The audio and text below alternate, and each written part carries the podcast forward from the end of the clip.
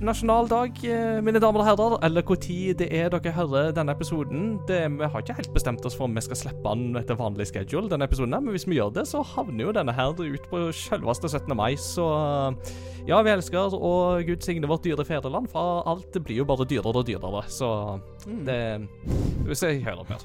Hjertelig velkommen skal dere være til Crossover Gaming episode 65 med meg, Inga Takanobbe Hauge, med Peter Gjøkjell. God dag, god dag. og med Mats Jakob Nesmann. Hei, hei. Hallo, hallo.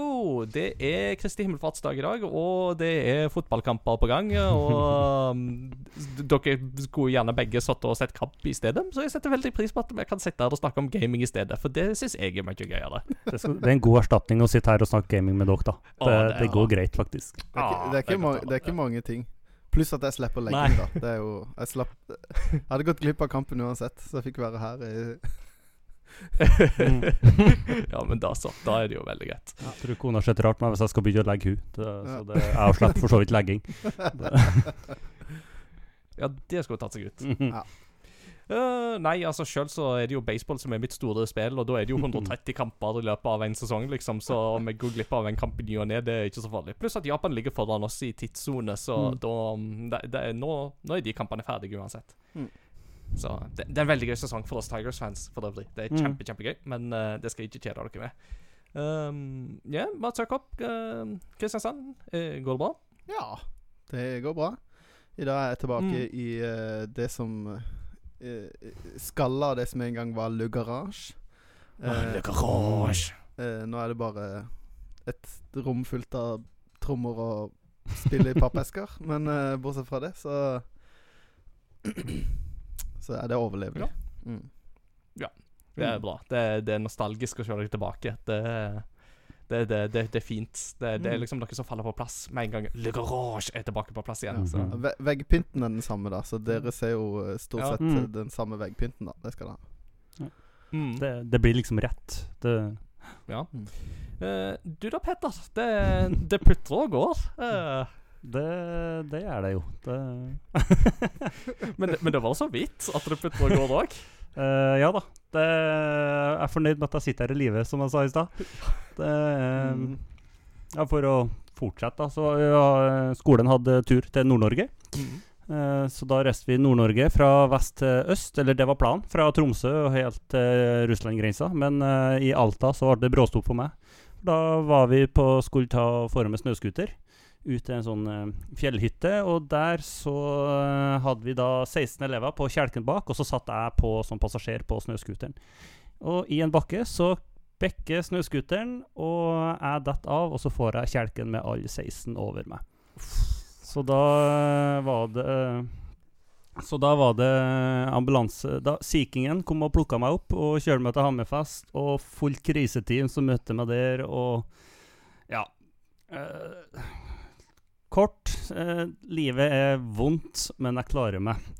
Eh, går på store deler av smertestillende, så hvis jeg plutselig hører sånn eller lignende, så er det bare at jeg må prøve å kvele litt smerte gjennom eh, episoden her. òg. Så, så lenge vi ikke hører et ai, ai, så går det bra. da bør du i hvert fall bli bekymra.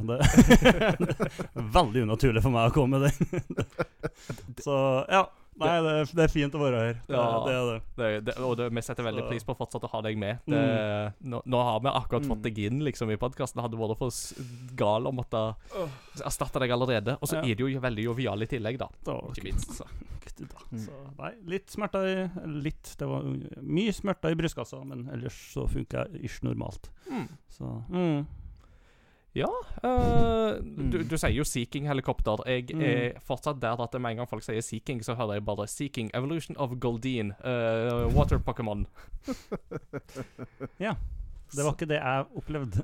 Så, men øh, men det er mer betryggende enn om de skulle ha fått i den bråte med helikopteret som heter Psyduck. For da hadde jeg blitt veldig bekymra. Ja, mm. Nei, Det det var litt- litt kule. Det, det, var, det var ganske kult, Ja. det må jeg jo si. Det er, det er litt synd at ikke du kom på sykehuset i Hammerfest og ble møtt av en sånn horde med Nurse Joy, hvor alle er prikk like og har sånne svære rosa Haven't I met you Altså, before? hadde- Oh, you mean my sister? my cousin, my sister, yeah. my uh, the triplets. Det skal sies, jeg hadde ganske mye morfin innabords, så det kunne ha skjedd. hadde ikke det vært greit hvis du hadde bare kommet på sykehuset og så bare sånn Vent, vent, vent, OK, dette er veldig dramatisk. Dum, dum, du, du, dum. Nå er du frisk igjen. Ja. Det hadde vært fint. Da hadde medisin kommet skrekkelig langt, altså. Så det hadde vært helt Mm. nydelig. Ja. Mm, Sjøl har jeg ikke så mange dramatiske ting av den sorten der å melde. Det er eksamenssesong igjen uh, på jobb, så det er lange dager. Men uh, det går så fint med litt eh, nudler og sånt klart, så den tåler jeg det. Så Mm. ja. Det, det blir fint når det er ferdig. Eh, og så er det greit mens det holder på. Mm, så jeg vet ikke. Vi er jo her for å snakke om spill, så kanskje vi bare skal gå i gang.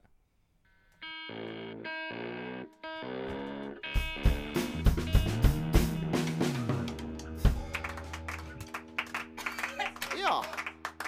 Eh, himmelsk lyd fra ungdommene. Eh, nå er det ukens kunngjøringer. Litt kunngjøringer. Det skjer jo som regel litt saker og ting, og det gjør det fortsatt uh, i spillenes verden. Først av alt så må vi jo gi en liten, aldri så liten shout-out til vår godeste, gamleste eh, primus motor og uh, programlederus emeritus Christian! Kristleik! Skate. Eh, vi tenker på deg og husker på deg hver, eh, hver dag. Og ikke minst nå 6. mai så var det jo en aldri så liten merkedag. Da kom jo Skate City ut på PC og konsoller. Eh, og det er jo da norske Agens som står bak, og Christian er jo nå med i Quality Assurance eh, der. Mm. Så det er jo litt kjekt, da. Nå har vi jo Mm. hatt uh, Agents eh, Agensleder Petter må si det innom òg, og det var jo en veldig trivelig eh, samtale, så Yes, sjekk ut eh, den episoden hvis eh, dere vil det. Da snakket vi om Skate City ganske, ganske i detalj. Kan jeg bare få si at uh, det spillet fikk jeg testa for uh, ganske mange måneder siden. Ja. Med hele klassen. Da var Kristian innom, og så fikk vi uh, test hvor de Før spillet ble gitt ut, og da var, blir vi filma forfra, og så filma bakfra. Hvor de ser hvordan du spiller, og Hvordan du ser, og reaksjoner i ansiktet. Og Nice. sånn der. Det, så det, det kan, kan jeg anbefale. Det er enkelt, men artig spill. Mm. Mm. Det hadde vært veldig veldig gøy å teste. Det er jo evinnelig mange år siden jeg spilte noe særlig skatespill i det hele tatt. Uh, så, men, men akkurat Skate City har jeg eh, det, det, det skal jeg faktisk ta og sjekke ut, altså. Det skal jeg. Ja, det Som jeg sa når uh, uh, The Man himself var her, eh, så er det et veldig bra skatespill. Det er, Mm. det er godt gjennomført, og, og, og de oppdaterer det hele tida, så det er ikke sånn her Det er bare Det er ikke liksom bare det lille du fikk i begynnelsen. Det er liksom Det blir mer og mer, og det er, det er ganske tøft. Det er kjekt, da. Mm. Sweet. Skate City, folkens. Vi er partiske så det holder, men eh, check a look. Yeah. Um, for noen uker siden så var det jo litt eh, rykter på gang om at eh, Microsoft eh, muligens hadde lyst til å kjøpe Discord, eh, og bladde opp ganske mange milliarder dollar på bordet, og Discord sa nei. Eh, de ville fortsatt være selvstendige og hele pakka. Eh, men ikke så veldig lenge etter det så kom det nyheten om at PlayStation og Sony inngår et samarbeid med Discord, som betyr at Discord kommer til PlayStation i tidlig 2022. Så de beholder fortsatt autonomiteten sin, men uh, Discord vil da altså komme inn på PlayStation. Så for de som da vil ha mer stabil teamchat og sånt mens de spiller PlayStation, så vil jo det være eh, veldig nyttig. Og ikke minst når en da spiller crossplay, så vil jo det komme til nytte, sikkert. Så det tror jeg det er mange som gleder seg til. Uh, speaking of Sony um, Det er jo nå en eh, veldig spennende rettssak som pågår i USA mellom Apple og Epic. Mm. eh, I forbindelse med hele denne her eh, Free Fortnite-kampanjen og betalingsmodeller osv. som jo eh, begynte å spinne i høst. Og det, det er jo kjempeinteressant å følge med på det, at det er så mange tall og fakta og sånt som kommer fram i den forbindelse.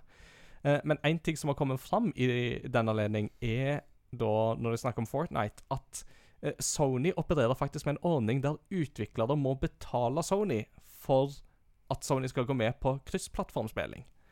Så Mm. mens eh, andre selskaper det er liksom litt sånn eh, Ja, ja, det vil vi gjerne ha kjør på, så var jo Sony veldig lenge sånn Nei, vi vil ikke ha eh, kryssplattformspilling, egentlig. Og så åpna de for det, men det viser seg da at Sony er sånn Ja, men uh, we want the moolahs for that. Så mm, ja. Det er jo litt eh, synd, men uh, Mm. det, the corporates got a corporate. Godt sagt. det, det er jo veldig mange tall og sånt som kommer ut forresten i den rettssaken, som sagt, så det er også verdt å kikke litt på det, bare for å liksom grave litt og, og få med seg Du får blant annet se litt sånn hvor mange tall Altså hvor mye Fortnite har solgt og tjent i inntekt, og hvor mye Mm. Epic har betalt for disse eksklusivitetsspillene sine, og det er jo litt lekkasjer òg som kan antyde framtidige spill som kommer eksklusivt til Epic når det kommer. Så ja, det er, det er mye forskjellig, rett og slett. Så det skjer ting der hver dag, nesten. Mm. Og, og de har, tar det ikke 17. mai, så, så Mm. mm. Eh, I den rettssaken kom det òg fram et merkelig fakta om uh, Nintendo. Jeg husker ikke i hva anledning. Uh, lurer på om det var noe med at Nintendo var holdt på en slags vitne i den rettssaken. Men det kom fram noen sånne interne sånne eh, dokument som Nintendo-ansatte må signere, og der var det veldig eksplisitt sagt at Nintendo-ansatte skal ikke eh, ha noe forhold til Yakuza. Oi. Altså, så det var sånn at du, du, du skal ikke på en måte ha relasjoner til Yakuza, du skal ikke benytte deg av Yakuza, du skal ikke frekventere med Yakuza, du skal ikke uh, så, så, så det var sånn veldig veldig lang ramse. Så de som håper på å se Yakuza-spillene på Nintendo, de må nok se langt eh, etter. Uh, nei da, jeg tror ikke det er innbefattet av denne kontrakten, men det, det, det er sånn Nintendo er tydeligvis livredde for at noen av deres ansatte skal bli tatt eh, med buksene nede i en Yakuza-skandale. Så Ja. det er greit å vite, for å si det sånn. Vi vet jo at Nintendo er svært konservative i alt de foretar seg. Så det er kommer ikke egentlig som noe overraskelse at de vil på ingen måte ha noe bånd dit. Nei, ikke sant. Og det er klart at Yakuzaen har jo Thais i hele Japan, for så vidt, men de sterkeste tiesene er nok likevel fortsatt i Tokyo og Osaka, ikke sant? Mens Mm. Nintendo, som er Kyoto-basert, er mye mer sånn Nei, nei, nei, Yakuzaen, de skal vi ha på på armlengdes avstand. Så yeah. Eh, speaking of Yakuza, de kan jo være litt bøllete. Uh, og en annen som fikk litt rykte på seg på å være litt bøllete, det var uh, Thomas Nei, Konrad Tomaskiewicz, uh, som da er regissøren bak The Witcher 3. Eh, han har nå forlatt CD Project Red etter interne anklager om mobbing. Altså at han har vært ha, Mm. altså drevet en usunn arbeidskultur og drevet med i praksis mobbing med, av sine arbeidere. Eh, interne undersøkelser konkluderte med at det ikke var grunnlag for å stadfeste det, men han valgte likevel å trekke seg og utstette en beklagelse for eh, de skader han har påført. Hmm. Eh, og det er jo et skudd i baugen for CD Projekt, det òg. det er klart, de har jo hatt noen turbulente måneder etter Cyberpunk. eh, og når da mannen som leda The Witcher 3-prosjektet, nå forlater de, så har de mista en verdifull ressurs. Det er det absolutt ingen tvil om. Mm. En annen som òg forlater sitt eh, prosjekt, det er eh, John Justice, som da var visepresident og produktsjef for Google Stadia. Han forlater Google som selskap i det store og det hele etter bare halvannet år der. Og det er klart at uh, Stadia sliter jo òg litt, for de har jo lagt ned alle interne spillproduksjoner og skal kun operere med tredjeparter. Og nå er det da altså produktsjefen for hele Stadia òg som valgte å trekke seg. Uh, og det er klart at uh, Og det er jo veldig synd, for at Stadia har veldig mange gode ting for seg, og de av våre lyttere som, som bruker Stadia, har jo absolutt uttrykt at de er fornøyde med Stadia, men det, det er samtidig litt sånn Du merker fortsatt at eh, det Google-prosjektet er litt sånn It can go either way. Mm. Så Ja. I den forbindelse må det jo òg nevnes at eh, Stadia eh, nå denne veka her introduserte søkefunksjonalitet. Så de eide Google, men du kunne ikke søke opp noe i Stadia før nå. Ha? Så det sier jo litt om. Det sier jo litt om hvor eh, uferdig tilstand Stadia ble lansert i. Uh, som ikke er så uvanlig Google. Altså, de er jo litt sånn Vi slipper det, og så bygger vi litt videre på det, og så ser vi hvordan det går. Men uh, uh, Ja, så, så, så jeg, jeg heier på Stadia for de som bruker det. Men jeg kjenner sjøl at det er sånn det er ikke der det burde vært, og som jeg skulle ønske at det var. Det er det ikke. Ja. Mm. Helt til slutt, vi må snakke om Nintendo. Eh, Nintendo har nemlig lagt fram sine tall for 2020, og kort fortalt 2020 var Nintendos beste år ever. Sånn noensinne Hmm. så Nintendo har aldri tjent bedre enn det de har gjort. De har hatt en salgsprofitt på 13,3 Nei, 16,3 milliarder dollar, som er opp 34,4 Og nettprofitt opp på og de har da hatt en nettprofitt på 4,3 milliarder dollar, som er opp 85,7% sammenligna med året før. Altså, de har nesten dobla liksom nettprofitten sin fra 2019 til 2020. Det er helt absurd. Nintendo Switch har jo nå solgt har akkurat nå passert 85 millioner solgte konsoller, og er jo på full fart mot å forbigå Nintendo Wii, som jo solgte 101,6 millioner enheter. Mm. Helt, uh, så det er så ja. bias. det er helt sjukt. Så- Særlig når du tenker på at Wii U solgte hva var det, 12 eller 13 millioner enheter Ja. fra 2012 til 2017. Mm. Og det var jo en det, det var jo tall som Switch knuste etter ni måneder. Og så er det jo bare å seile det fortsatt rett opp.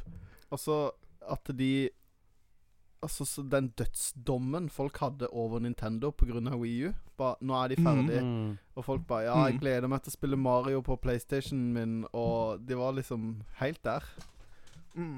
Så det er jo Ja. Det, det, for det var jo ganske kritisk en stund. De gikk jo med tap eh, et par år da Wii U var på det verste. verste eh, og de klarte jo å snu det før Switch kom ut òg. Mm. Eh, og takket være 3DS så klarte de jo å opprettholde litt av salget og sånt. Men det er klart at Iwata, som jo var Nintendo-sjef på det tidspunktet, måtte jo iverksette en snuoperasjon.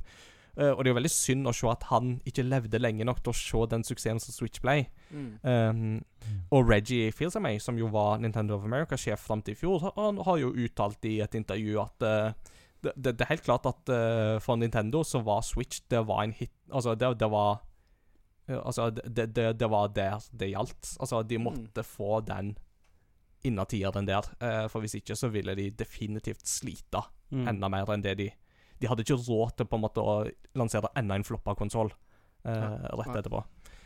Um, i, I den forbindelse så har òg Nintendo da annonsert at uh, i 2020 så har da 36 titler solgt over 1 millioner eksemplar, hvorav 22 av disse er Nintendos egne titler.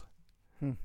Så Og ja, Animal Crossing er jo blant eh, en av de. Mm. Altså Animal Crossing har jo solgt i bøtter og spann, så Mm. Mm. Så det, det er jo sånn Man hører jo mange konspirasjonsteorier om pandemi, men eh, jeg, jeg savner liksom de som står foran Stortinget og demonstrerer mot Nintendo og Sony fordi at de har liksom iverksatt alt dette med pandemi og sånt. For du skulle, for du skulle nesten tro det når de legger fram sånne tall som dette her. Ja. Det er faktisk helt sinnssykt. Og eh, tenk at de gamle er fortsatt eldst. Dette er et, Mhm. film, dette er et, eh, et, eh, et selskap som har sitt mest profittrike år noensinne. Og de ble starta på 1800-tallet. 1889. Mm.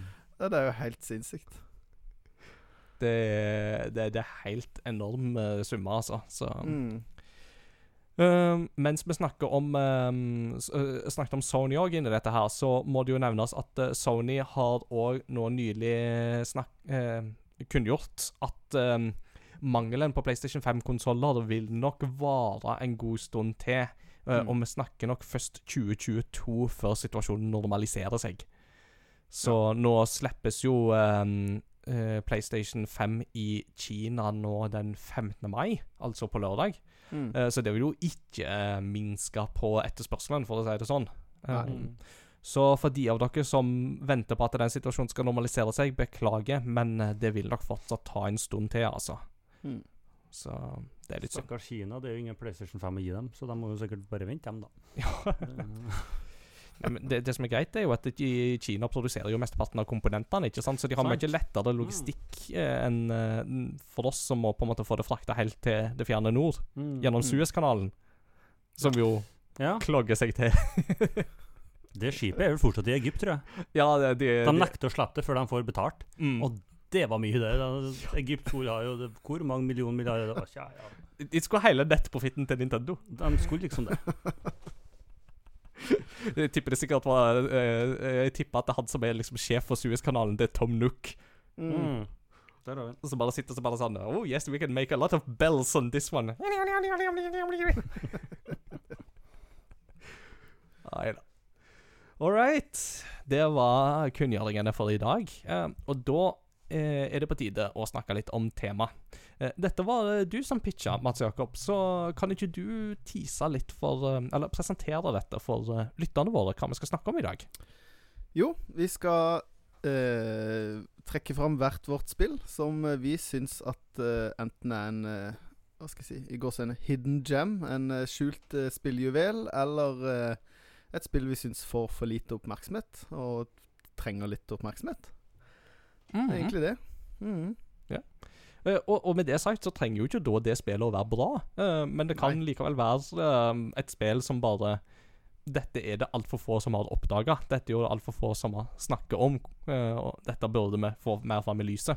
Mm. Um, et eksempel på det syns jo vi fikk veldig bra i forrige episode, da vi snakket om Nintendo 64. Og, og Mm. En av våre trofaste lyttere, Sigrun, eh, trakk fram eh, spillet Hybrid Heaven. Ja. Som var en sånn der, slags sånn der Hidio Kojima-klone. Altså, Da hadde det vært litt inne på produsentsida. Det var noe holdt på å si, med turbasert wrestling og rar historie. og Altså, Jo mer vi leste av den lytterposten, jo mer fikk jeg jo bare lyst til å, å spille det spillet. Mm. Så ja. Uh, Mats Jakob, Ja. kanskje du har lyst til å begynne å liksom presentere ditt spill? Og nå skal vi bare Vi skal kun ta ett spill, Ja. har vi vel bestemt oss for. Mm. Uh, for dette er jo et tema som vi kan komme tilbake igjen til seinere. Vi kan ha en eh, part deux og en part trois, om vi vil. Uh, Mm. Men uh, din spilljuvel Ja. Min spilljuvel er rett og slett et spill som tok meg på senga.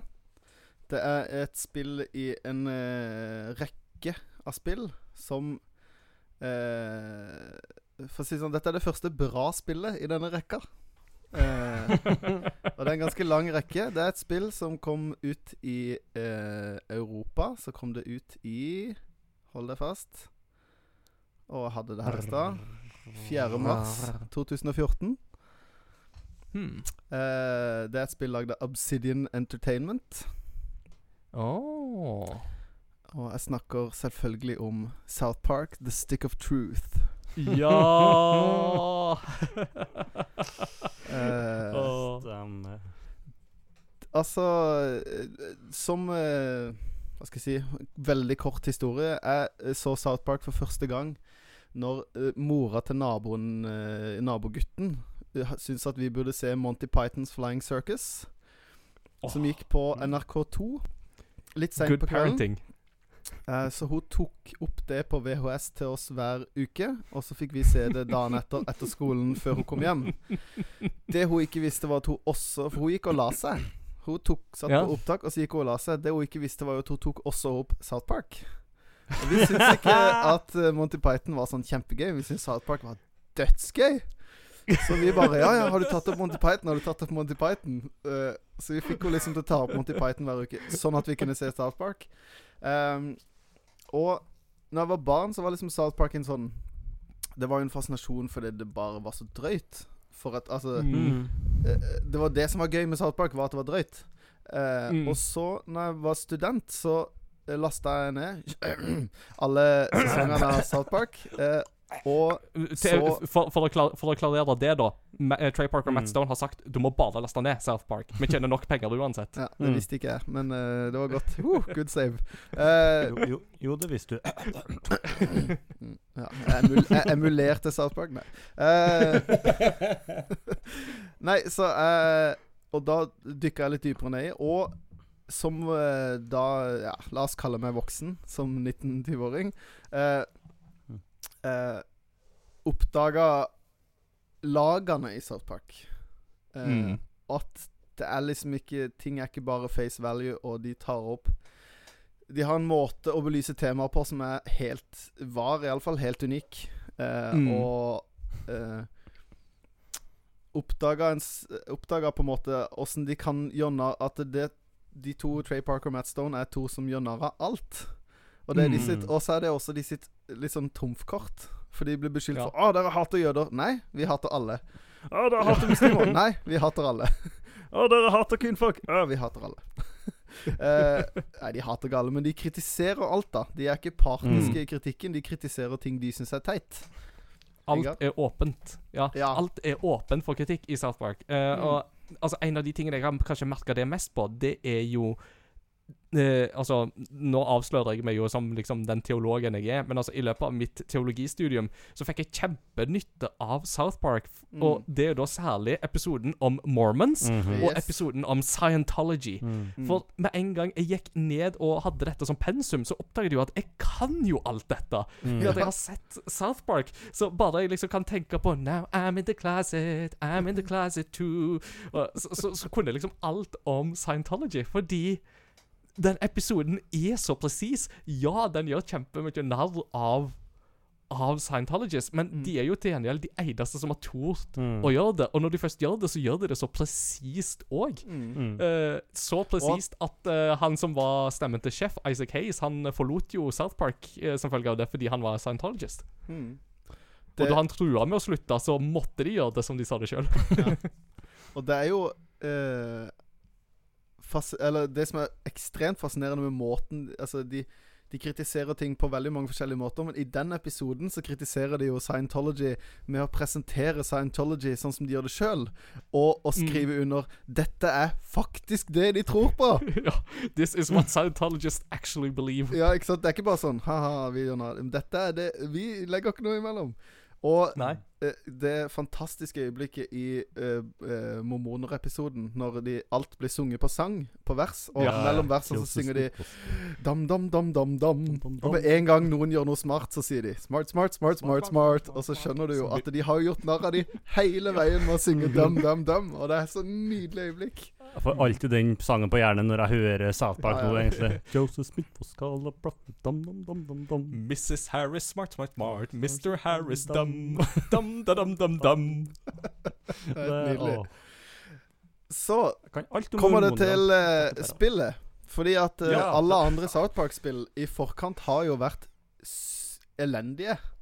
Ja. South Park Racing, Chef's Love Shack, alle disse her grusomme når du går rundt og kaster snøballer på kalkuner. Altså Mm.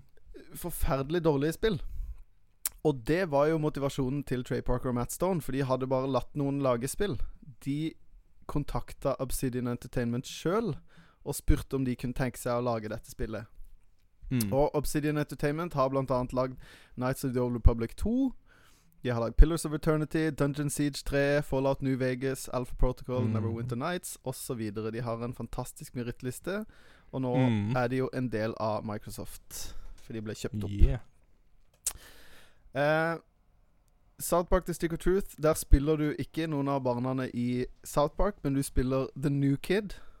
Mm. Eh, og eh, i begynnelsen så lager du Altså Det er så mange bra detaljer i det spillet her, men, og nå er det så gammelt at nå føler jeg jeg kan spoile litt. Er, er det ja, lov? ja, ja. Ja, ja. For det har noen fantastiske øyeblikk. Men uh, det b- første du møter, er jo en character creation screen, hvor du velger vanskelighetsgrad ved å velge hudfarge. Jo mørkere du er i huden, jo vanskeligere er spillet. Og det er, det er Samfunnskritikken kommer med en gang, og det er så fantastisk.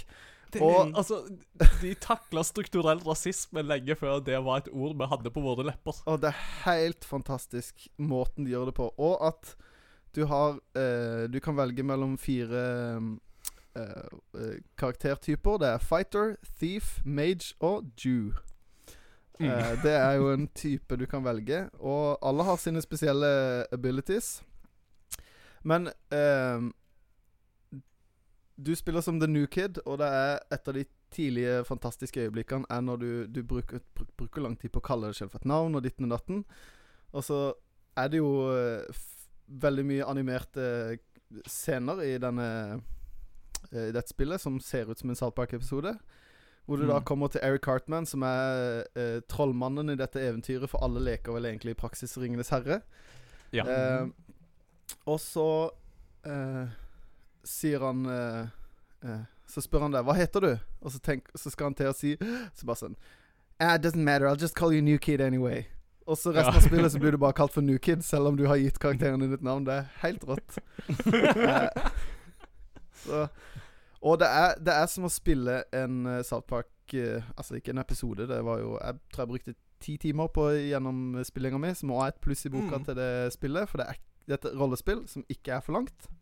Mm. Um, og du føler hele tida at du spiller en South Park-episode hvor du kan velge litt rekkefølgen ting skjer i.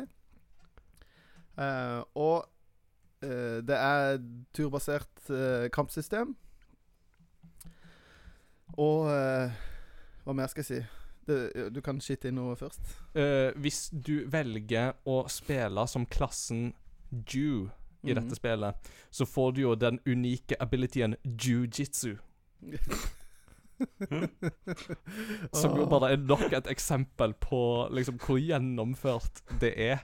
Mm. Um, og, og, og etter hvert i spillet så lærte du deg jo òg summons. Altså at du kan på en måte mane Mm. fram liksom sterke skapninger. Uh, og noen av disse summons som du kan lære deg, det er at du kan uh, påkalle Jesus. Mm. For at uh, Jesus spiller jo en veldig stor rolle i South Park, i dette her TV-programmet Jesus and Pals. Ja, han, uh, Jesus kom han har Ja. kommet tilbake til verden og slått seg ned i South Park. Ja, ikke sant? Uh, og driver TV. Uh, Og det, det som jo er ekstra fascinerende, er jo at for å finne Jesus, så må du jo snakke med han uh, presten i byen, og han spør jo Have you found Jesus, my son? You must look very carefully, for he's very hard to find. One time I found him in my chimney. så det er liksom hele det der Det å finne Jesus, det er veldig viktig i dette spillet. Ja. Eh, men eh, du kan òg påkalle Moses. Moses er jo òg en annen Mm. sånn skapning som du kan påkalle, og det er jo basically denne her eh, skapningen fra originale Tron. Eh, altså 1982-filmen Mm. Tron, Ja. som er Moses i South Park. Som er sånn en digital entity, på en måte, Ah. som er sånn der blinker lys og ja, alt mulig rart. Helt nydelig. Så det er vakkert. Og ikke minst så kan de jo òg samle Chimpokomon Mm. i spillet. Ja, det, altså, det er de, dette er et av de få RPG-ene jeg har 100 av. Jeg har funnet alle Chin-pokémonene, og- men det er jo ikke et gedigent spill. Eh, men eh, det var utrolig forløsende å spille et South Park-spill som var bra når det kom. Mm. Eh, beste øyeblikket i, i hele spillet er når du finner ut at du må dra til Canada. Og for de som har sett Yes! South Park, så vet du at eh, de gjør veldig mye narr av canadere. Og alle canadere har bare hodet er bare delt på midten, og så driver bare toppen og hopper rundt når de prater. Eh, og du må dra til Canada, og når du kommer til Canada, så er det et 8-bit RPG, og alt er 8-bit Nintendo, og det er superprimitivt. Eh, og bare det øyeblikket når du kommer til Canada, og du bare ser at hele Canada er lagt ut som Final Fantasy 1 Mm. Det er, det er bare sånn Det, det er så ufatt... Altså alle måtene de klarer å kritisere og tøyse med Canada på, det er liksom de tar aldri slutt. Nei, ikke sant. Til, til og med den kanadiske nasjonalsangen spiller jo i bakgrunnen på midi. Det er så fantastisk. Ja, og er der møter du jo og, og, og, og ikke minst fordi det jo da er nord for The Wall, skal vi til å si, så møter du jo på Mm. Direwolves i Canada. You know what the direwolves are, right, buddy? It's like regular wolves, but they're dire. Eh, det spillet her var jo uh, Ble også litt sånn snakkis når det kom, fordi at det ble åpning eh, En av de tidlige scenene i spillet ble sensurert i største deler av verden. Uh, av at det var litt for voldsomt for de fleste, og involvert eh, var det måtte lese meg opp i det igjen. Eh, det, jeg kan eh, huske du- en av de. I Australia så var det en eh, scene med Randy Marsh uh, om bord i en ufo, der eh, de skal drive med sånn eksperiment og sånt på han, som ble sensurert pga. Uh, Mm. australsk lovgivning. Og det de jo gjør der, det er jo helt fantastisk, fordi da blir på en måte sekvensen i spillet blir liksom fjerna, og så får du stort, en stor blå skjerm med bilde av en koala, og så sånn der xylofonmusikk på, og så bare sånn der Oh, Australia, your laws doesn't allow us to show you this part of the game. Så, så de har bare på en måte lagt inn en sånn sensurblokk i stedet. Eh, og det samme med Europa. da, Så har de noen sånne scener der det er bare sånn Nei, beklager, Europa, vi kan ikke vise dette her. Og så viser de et annet sånt bilde av et sånt EU-flagg og så sånn xylofonmusikk i stedet. Og, og, og, og, og sånn Og jeg syns jo at dette er helt fantastisk. Altså, det Jeg er jo Altså, jeg, jeg er jo av den som mener på en måte det at um, kunstneriske uttrykk. Det skal, altså, jeg, jeg er veldig for den frie kunst, og veldig for på en måte den ytringsfriheten i kunst. Det er ikke dermed sagt at jeg syns at alt er like bra eller oppbyggelig, men jeg syns at den skal være fri, fordi det står veldig sentralt. Men skal du først da sensurere noe pga. lovgivning, så syns jeg at dette er liksom en helt fantastisk måte å gjøre det på. Fordi det blir et sånn humoristisk preg på Mm. det. Mm. Ja. De er Ja, jeg bare syns de Det er helt ekstremt fascinerende hvor At de har holdt på så lenge og er så on point hele tida og er så på. Eh, og de hadde jo For å snakke om serien veldig kort, hvor, hvor på de er. De, de dagen etter at Obama vant valget i 2008 Var det ikke i 2008? Jo. Jo. Så, så var det en episode som handla om at Obama vant valget. Mm. Eh, og da hadde de jo selvfølgelig Man kan jo De hadde jo lagd to alternativer, men Mm. de hadde lagt mest arbeid i den ene. De tro, mente jo det gikk den ene veien. Men, men de bruker en uke på å lage en South Park-episode. Og de lager det ikke f.eks. The Simpsons eller Family Guy eller alle disse andre. De, bruk, de lager episodene De begynner jo et halvt år i forveien.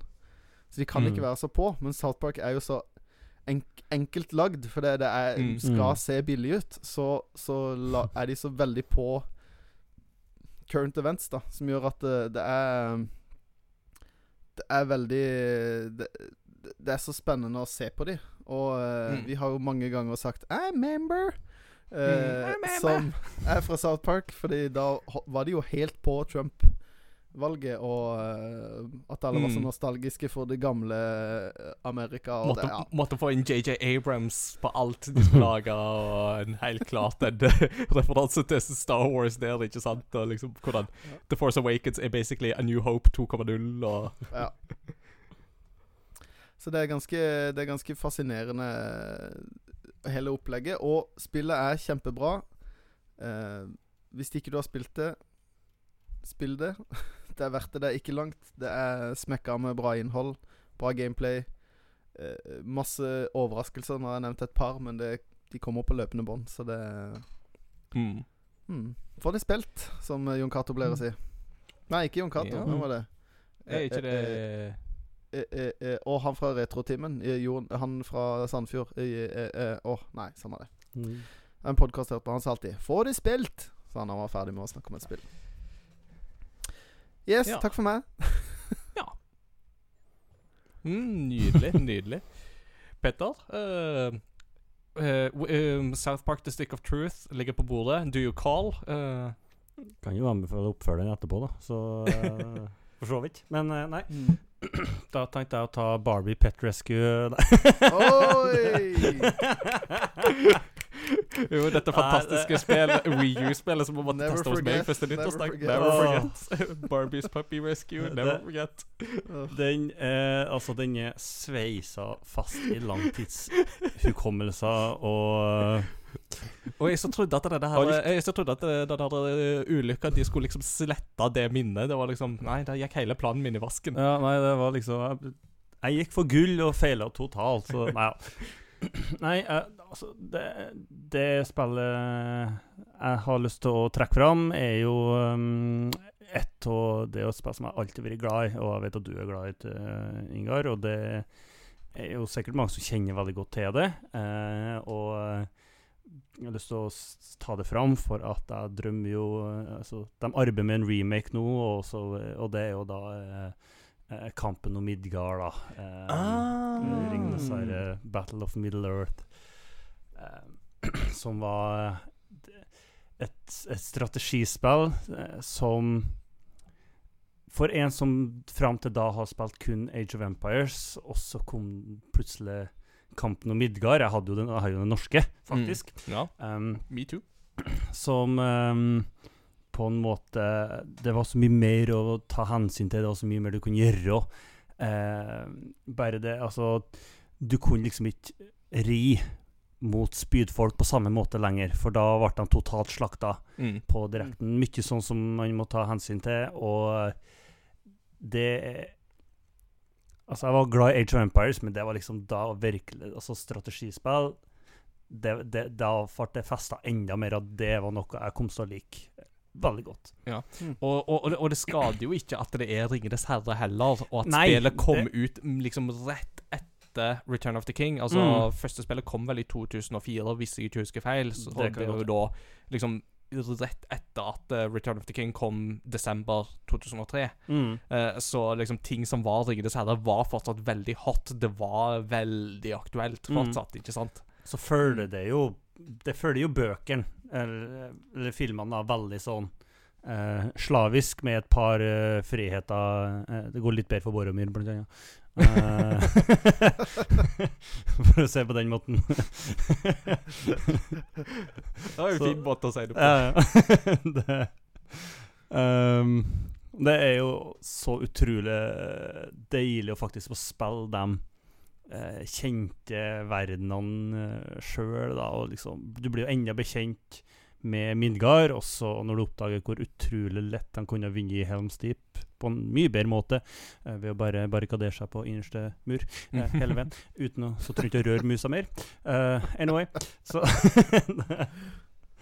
Så det Nei, det er et fenomenalt uh, kjekt spill som eh, eh, virkelig bør eh, oppleves hvis at de ikke har fått uh, testa den. Ja. Og som sagt, det er vel noen som, det er vel noen som driver og arbeider med en remake, mens om de får lov til å fullføre den ikke, det eller ikke er en helt Ja, for det, det, er jo, det er jo litt sånn interessant, for dette er jo et spill som aldri har blitt lansert digitalt. mm. Eh, så for å få spilt det, så må du liksom få tak i de originale CD-ene. Mm. Eh, Mm. Og eh, det, og det, dette er jo helt klart pga. lisenser, ikke sant? Ja, ja. Altså det, det, er jo, det er jo lisenser som, som gjør det.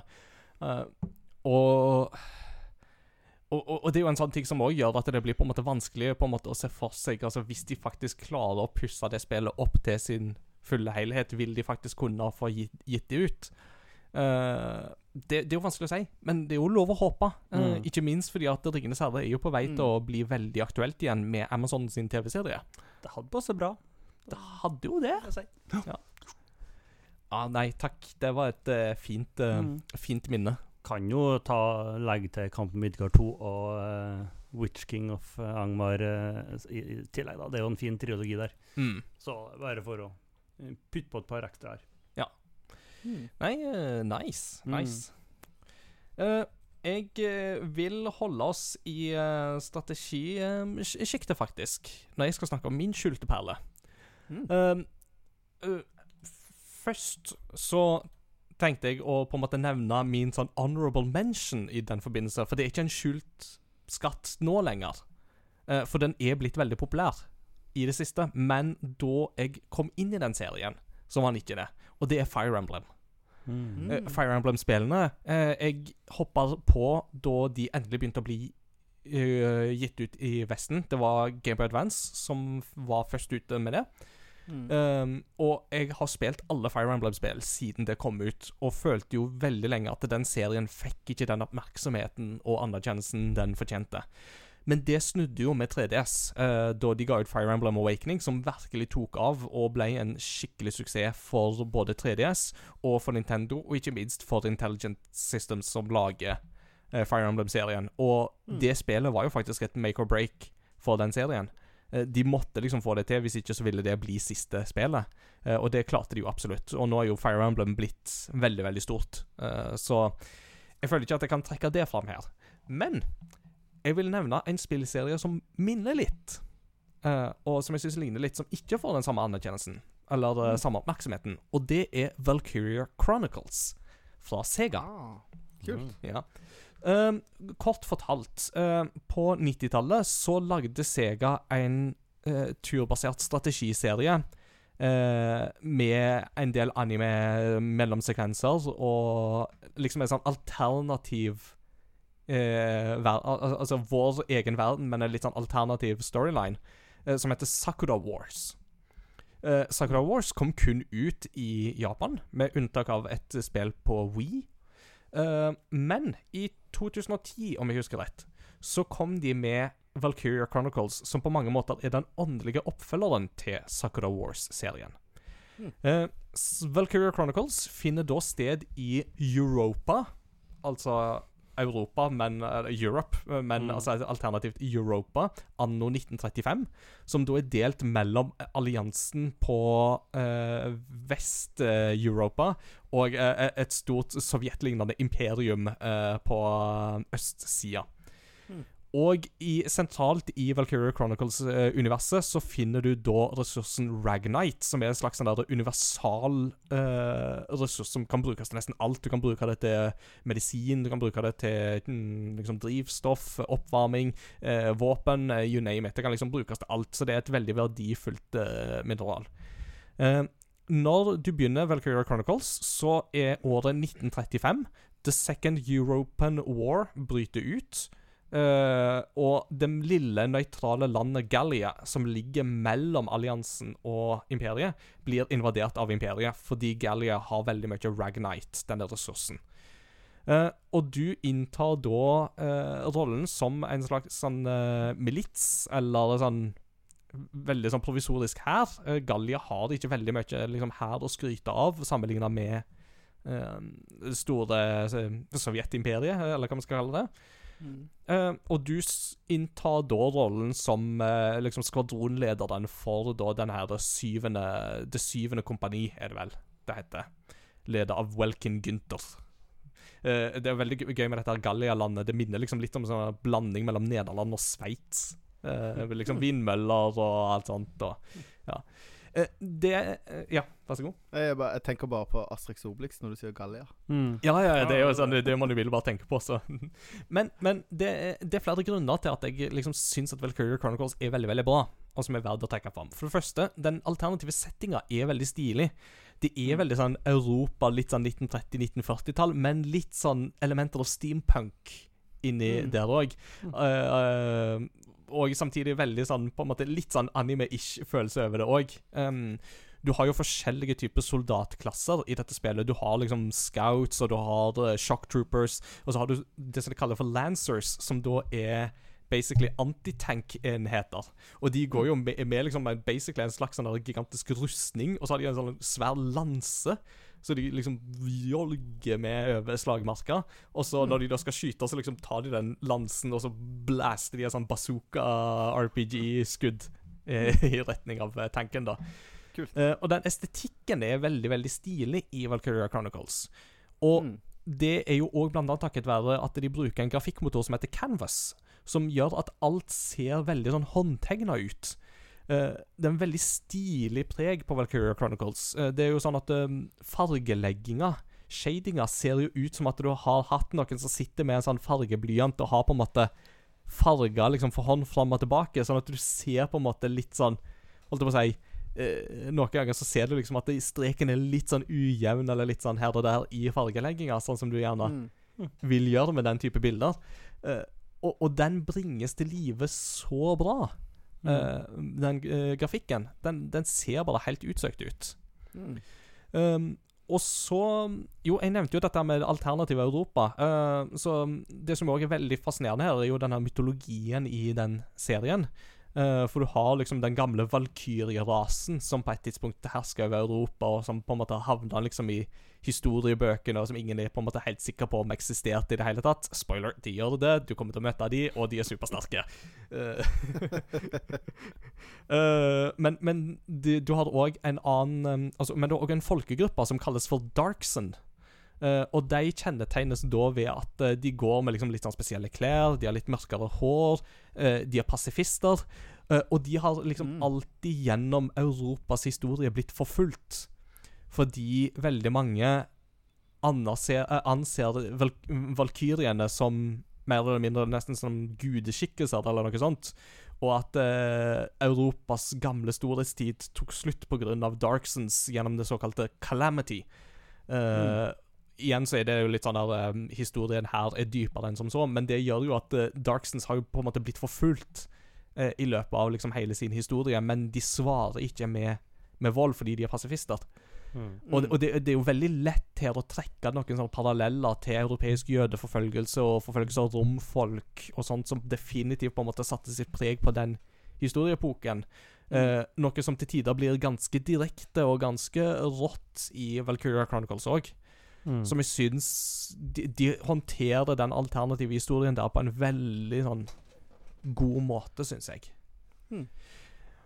Men det er jo gameplayet, da, som først og fremst er det som gjør det ekstra gøy. Um, som òg gjør at det minner litt om Fire Emblem, fordi det er det er turbasert strategi. Altså Først gjør du dine trekk med alle dine soldater, og så gjør fienden sine trekk med sine soldater. Det som er ekstra gøy her, er at det, til å begynne med så ser du alt på et sånt oversiktskart. Og så, når du da velger OK, nå skal jeg gå fram med den soldaten, da går du fra kartperspektiv til tredjepersons shooter-perspektiv. Mm. Og da går den figuren fram og tilbake på kartet. Og hvis den personen da kommer i skuddlinja til fienden, så vil fienden begynne å skyte. Mm. Eh, men da kan du fryse tida ved at du går inn i skytemodus. Og så da sikter på fienden, og så sky skyter du. Hvis du går ut av skytemodus og fortsetter å bevege deg, så vil fienden igjen skyte på deg. Mm.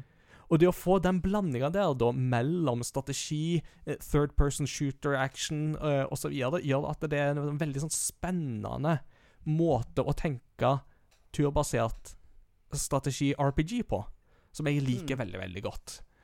Uh, så Valkyria Chronicles er da min uh, sånn Dette er et spill folk snakker for lite om, det burde flere sjekke ut.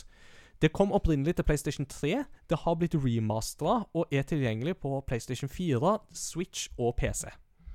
Uh, toen og treen er litt mer låste, men firen er òg tilgjengelig uh, på alle plattformer. Uh, Valkyrie Chronicles 4 kom for et par år siden, og kan varmt anbefales, det òg. Hmm. Min favoritt er treen, faktisk, Uh, for da spiller du som en slags Black Ops-enhet, uh, basically. Eh, så det er veldig gøy, men det er kun lansert på PlayStation Portable i Japan. Så det finnes en fan translation som går an å bruke, så de som er veldig interessert, kan sjekke det ut. Mm. Og så har det bra musikk, men det kommer vi tilbake til. Etter pausen. Helt til slutten etter pausen, vil å merke. Nå tar vi pause, og, og så er vi straks tilbake.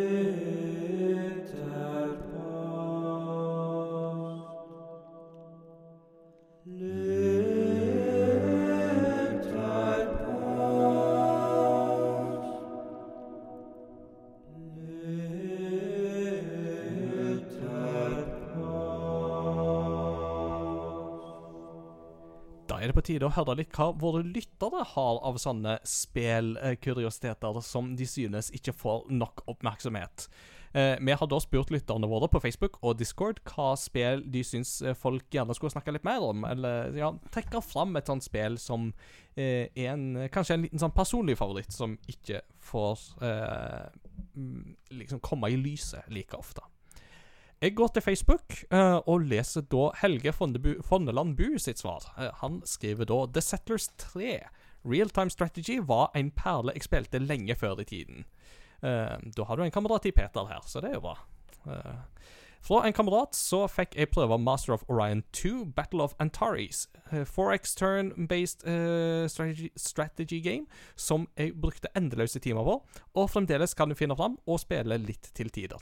Og en siste jeg slenger med. Theocra Theocrazy. Uh, litt usikker på om han mente Theocraty, eh, Theocracy, uh, eller om det er Theocrazy. Men det eh, kan være enten eller. Mm. Real-time strategy-spill der settingen er i Mellom-Amerika, eh, rett noen år før sivilisasjonen fra Europa kommer. Altså sivilisasjonen fra Europa i hermetegn. Mm. Altså. Eh, det kan faktisk være både Theocrazy og Theocracy, så eh, det må jeg nesten sjekke opp ut uh, etterpå. Men det hørtes litt spennende ut. Mm. Uh, um, spill satte den liksom epoken det, å, det, det, det, ble jeg veldig keen på å sjekke ut, altså. Det var, hørtes veldig spennende ut. Det er ikke så mye derifra. Så. Nei. Så ja. Eh, Peter, hva har du funnet en uh, godbit uh, til oss?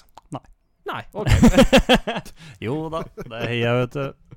Det, det er ikke noe problem, vet du. Det er bare å gå inn på Discord, og der den svarer langt og flott, hele gjengen. De er så det- flinke at det. Ja, det. Så det er jo nesten vanskeligere å plukke ut en. Ja. Det skal vi se, men jeg endte opp på Sakseid sin. Mm. Han skriver som følger Jeg spiller tidvis My Summer Car, som er helt fantastisk og etter min mening en moderne kultklassiker. Det er ikke spillet for de som er opptatt av vakker grafikk. Det ser ut som en 90-tallsspill, men det har lassevis av humor og sjarm. Det kan også virke litt uferdig, og det er, og det, er det for så vidt, siden det fortsatt er i early access. Men med tanke på at spillet er i hovedsak er, at spillet i hovedsak er utviklet av en fyr i Finland med hjelp av kompis kompiser, er det veldig imponerende det de har fått til. En spiller en, spiller en ungdom på 90-tallet, og det er ingen storyline som skal følges. Her er det helt opp til seg selv å skape historien. Dette passer ypperlig for slike som meg, som bruker spill til å koble av og ikke koble av og ikke trenger eller alltid orker masse action. Spillet handler i stor grad om å bygge en bil del for del, og en bygger med et tomt karosseri på tunet og garasjen på tunet og garasjen full av deler. Måten de har klart å skape denne delen av spillet, er veldig imponerende, og jeg tror ikke noen annen spillprodusent har laget noe i nærheten. I tillegg er kjørefølelsen en har med både bilen og bygger Oi, skal se noe data ut der. I tillegg er kjørefølelsen en har med både bilen og bygger og de andre bilene en kan kjøre ethvert bilspill verdig. Nå mm. medisinene kicker inn, vet du, så skjer det dobbelt. Det tar noen timer å bygge bilen, men den følelsen en får når en står, starter den første gang, og lykke. Nice. Nå holder de på å lage oppfølgeren My Winter Car, og jeg klarer nesten ikke å vente. det er jo kult, da. Og, og Mm. det som var gøy, var jo at det var jo noen uh, andre i Discord som uh, plukka det opp som tips. Og bare sånn 'Å, så gøy! Det skal jeg sjekke ut.' Mm. Så eh, det er jo kjempegøy. Det, det er ingenting som er bedre enn at uh, våre lyttere eh, kan tipse hverandre om gode spillopplevelser, syns jeg. Mm. Det Espen Tveit skriver jo Men fortsatt i early access, og de jobber allerede med oppfølger. Det er jo faktisk litt interessant. Det er, Det er det som er risikoen vet du, med early access, er jo det Mm. at det, det kan fort bli på en måte fristende å bare legge fra seg prosjektet og så gå videre til neste. Så, mm, ja. Men eh, men, men eh, noen ganger så kommer det veldig gode ting ut av early access. da Hades er jo et veldig godt eksempel på Mm. det. Så Yeah. Mats Jakob, Yes. Hva svar har du Jeg har valgt plukka ut svaret til Eirik. Han skriver han skriver uh, Dette liker jeg. Nå kan jeg fortelle om en av mine all time favorites. Robin Hood, The Legend of Sherwood. Hva er vel bedre enn cowboyer à la Desperados-serien? Jo, Robin Hood, men med Desperados-mekanikken. I dette spillet styrer du opp til fire eller fem karakterer på forskjellig brett mens du prøver å redde England. Veldig morsomt spill med mange kule detaljer. Og da er det så ryddig at noen har svart med en pil, pil og bue-emoji. jeg, jeg, jeg, jeg- etter et lite øyeblikk her, så innbilte jeg meg at du var trønder. Eh, eller, eller ikke trønder, men at eh, du, du hadde en litt annen dialekt enn det du hadde. Så jeg hadde liksom at eh, som Robin Hood skal du redde England. Altså englene. England? Det var lenger nord, det, ja. Skal redde England! ja. Ikke de som flyger, men de som bare er ute i sjøen ja. der. Øya. For England, det var dette, dette på ræva. Trodde englene fanns Nei. Eh, Å, takk for meg. La oss gå videre. La oss gå videre.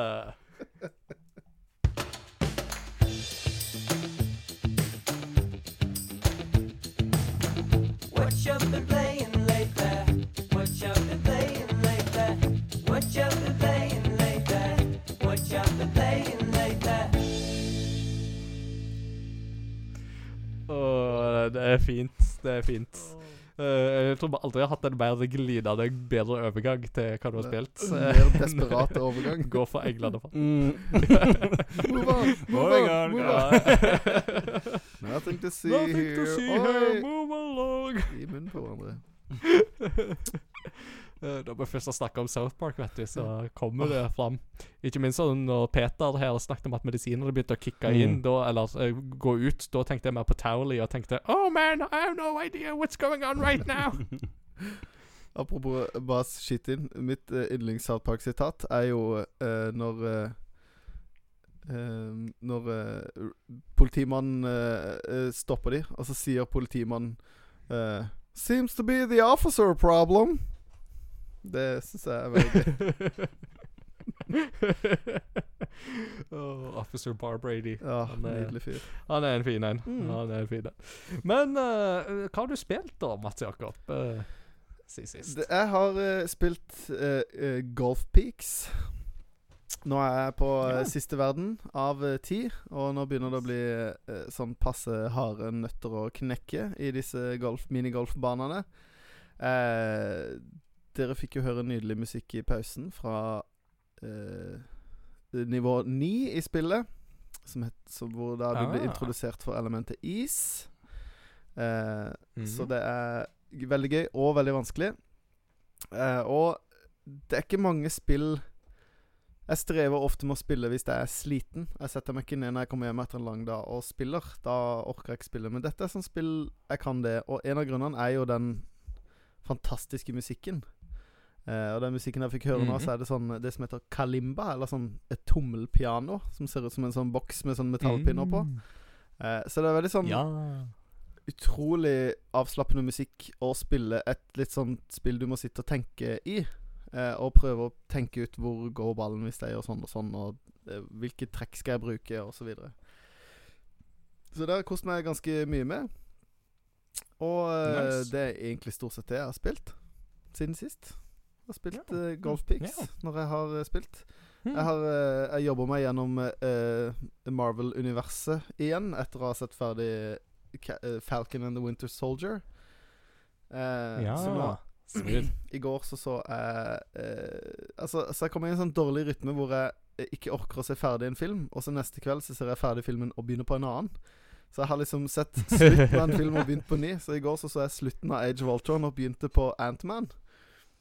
Uh, Ah. men jeg klarer Eller, jeg så faktisk ferdig Antman. Mm. Så Ah, nå nice. skal jeg begynne på fase 4 i morgen. Nei, Ja. i kveld. Nice. Det var eh, Thor hadde nylig tiårsjubileum. Uh, bare noen få Mm. dager siden faktisk at det var ti år siden Thor kom ut. Og det var veldig gøy å liksom gå på IMDb og liksom se på liksom folk dele ting der. uh, blant annet det fantastiske I need a horse! Når han kom i den der butikken. Another! Ja. Ja, og ikke minst Another! Nydelig. Nei, det er nydelig Akkurat det der er faktisk ganske herlig. What is this drink? Ja, I like it. det It's coffee. Det er kulturkrasj. Another! det er jo noen som har tegna en sånn der tegneseriestripe der uh, han uh, har armen rundt uh, hun Jane. Er det vel? Mm. Altså som Natalie Portman. Og bare sånn 'This woman, I like her. Another!' Og så tar han den opp, og så hiver han den på gulvet. Mm. det, og det, bare sånn Det blikket på henne i det liksom Når hun blir løfta opp og bare sånn What?! Det, nei. Det, det, det er humor, rett og slett. Nydelig. Det, og det er ikke Det, det er ikke sånn jeg holdt på å si mannssjåvinistisk humor. Det er bare fordi det er Ja, it, is a good, funny mashup. La oss Mm. bare få påpekt det. Um, jeg har eh, for min del spilt eh, et par ting siden sist. Mm. Jeg har um, For Game Reactor så har jeg virkelig gått ned i Nintendo-arkivet. Uh, for jeg har spilt uh, de to visual novel-spillene Famicom Detective Club. Mm. Eh, det, da, det ene er Famicom Detective Club The Missing Air fra 1988. Og det andre er Famicom Detective Club The Girl Who Stands Behind fra 1989. Eh, for å ta litt historien her. Eh, Dette er spill som kom til Famicom Disk System i Japan. Altså denne her diskettstasjonen som man kunne koble til den japanske Nes. Mm. Eh, og dette er da to sånne detektiv-mysteriespill. Uh, tenk litt sånn eh, Phoenix Wright, Ace Attorney i måten å spille på, med liksom det er mye tekst, og du skal på en måte løse et mysterium, uh, osv. Disse spillene har aldri blitt gitt ut utafor Japan før, sjøl om uh, The Girl Who Stands Behind fikk en remastered, eh, en remake til Super Nintendo i sin tid. Men denne kom kun til Japan. Men nå eh, har da Nintendo funnet ut at de skulle bygge opp igjen spillene helt på nytt. Altså, de skulle lage spillene helt på nytt, med litt sånn moderne anime-estetikk og strek og full voice acting og musikk og sånt, og faktisk gi de ut i, i, internasjonalt. Og det syns jeg er veldig veldig kult. At de har gravd så dypt i arkivet sitt. Mm. Um, og dette er ifra liksom Nintendo Inhouse R&D Department. Der eh, folk som har vært involvert i Metroid, har vært eh, delaktige. Og Gunpei Yokoi var på produsentsida. Mannen som jo var liksom det eh, ingeniørgeniet til Nintendo. Um, så, så det er veldig mange spennende navn som har vært involvert i disse spillene her. Uh, spillene i seg sjøl er gamle, og det merker du. Uh, særlig det første spillet er tungt å spille igjennom, for det går veldig treigt. Det er veldig vanskelig å treffe Altså å velge de rette dialogvalgene, og noen ganger så er det sånn at du må velge en dialog, et dialogvalg sånn tre ganger, eller noe sånt, før den, de bare sånn 'Å ja, å, forresten, jeg kom på den og den tingen', og så. Eh, ja. Um, I tillegg så er det veldig veldig lett å se hvor mysteriet bærer hen ganske tidlig. Mm. Så jeg hadde stort sett knokket det første spillet der ganske tidlig. Da er du en ung eh, navnløs detektiv, eller en ung detektiv som har mista hukommelsen, eh, men du har oppdaget det at det siste du gjorde før du mista hukommelsen, var at eh, du skulle etterforske eh, et mystisk dødsfall av en sånn matriark Mm. for en rik japansk familie ute på landsbygda. Eh, hun, for hun døde, og så var det litt sånn Ja, men hun avslørte jo testamentet sitt samme dag, så det kan jo ikke være tilfeldig at hun døde da. Og så begynner jo folk å dø i hytt og gemenger rundt omkring, og da begynner du etter hvert å skjønne at her det er det definitivt noe som Noen ugler i mosen og diverse. Eh, men det andre spillet Uh, The Girl Who Stands Behind Det er da et spill som foregår før. Altså det er en prolog, kan du Mm. si. Og det er vesentlig bedre. Mm. Det, det er et spill der du merker at OK, her har de virkelig på en måte lært av det første spillet de gjorde. De har fått til skarpere eh, writing. De har fått til eh, mindre sånne keitete eh, dialogvalg og sånne som var veldig på en måte vanskelige å å komme seg fram til. Altså At du klarer mye mer Altså Flyten i spillet er mye bedre, Mm. for å si det sånn. da Ja. uh, Og mysteriet òg er mye gøyere, for da er det ei eh, ung eh, skolejente som eh, skyller i land eh, fra liksom en, en, en elv, og det er veldig tydelig at hun har blitt drept. Og så sporer du opp denne skolen hennes, og oppdager etter hvert da at det er en sånn eh, lokal sånn der spøkelseshistorie på denne skolen om The Girl Who Stands Behind. Om en sånn jente som går igjen på denne skolen, som liksom plutselig så snur du deg, og så er hun der. og sånt, Og så viser det seg at dette er knytta til et gammelt mordmysterium igjen òg, som denne skolen Mm. òg var involvert i. Så mm. Uh, disse to spillene kommer ut, tror jeg, i en samlepakke. Uh, de lanseres vel eh, nå på fredag, så det vil si at når du hører denne episoden, så er de ute. Mm. Uh, og anmeldelsen min kan du lese på Game Reactor. Um, min dom der er det at det første spillet er veldig sånn The Missing Air er litt sånn det, det, det har spillhistorisk interesse, men det var ikke det gøyeste å spille. Men det andre spillet, da jeg satte meg ned med det, så ble jeg faktisk positivt overraska, for da forventa jeg mer av det samme, at dette skulle bli ganske langdrygt å spille, men eh, det, det, det funka bra. Um, det klarer liksom ikke å måle seg med visual novels av nyere dato, for det er veldig tydelig at de har lært mye av disse spillene som ble laga på 80-tallet, men det er Mm. veldig gøy sånn rent spillhistorisk Mm. å se dette spillet komme ut nå. Kan du hoppe rett på toeren, eller? Ja da, du kan Ja. spille de helt uavhengig av hverandre, så det går fint. Og så hvis du da har begge spillene, så kan du lage et navn på deg sjøl for spill nummer én, og så kan det bli overført til spill nummer to hvis du vil, så du kan på en måte Ja. bruke en del av den samme informasjonen, da. Ja. Så det, det er litt artig sånn sett, da. Mm. Og en fun greie. Eh, du kan switche musikken til den originale Famicom eh, chiptune-musikken. Ja, det liker jeg. det, det liker vi, så det er veldig gøy. Mer av det, takk. Um, og så har jeg jo spilt og um, Når jeg da har liksom kunnet spille litt mer ting som jeg har lyst til å spille, så har jeg da hoppa på uh, denne backloggen av nye spill som kommer ut nå i april-mai-skiftet. Så da har jeg satt meg ned med Near Replicant version 1.22474887139 prikk, prikk, prikk. Hmm.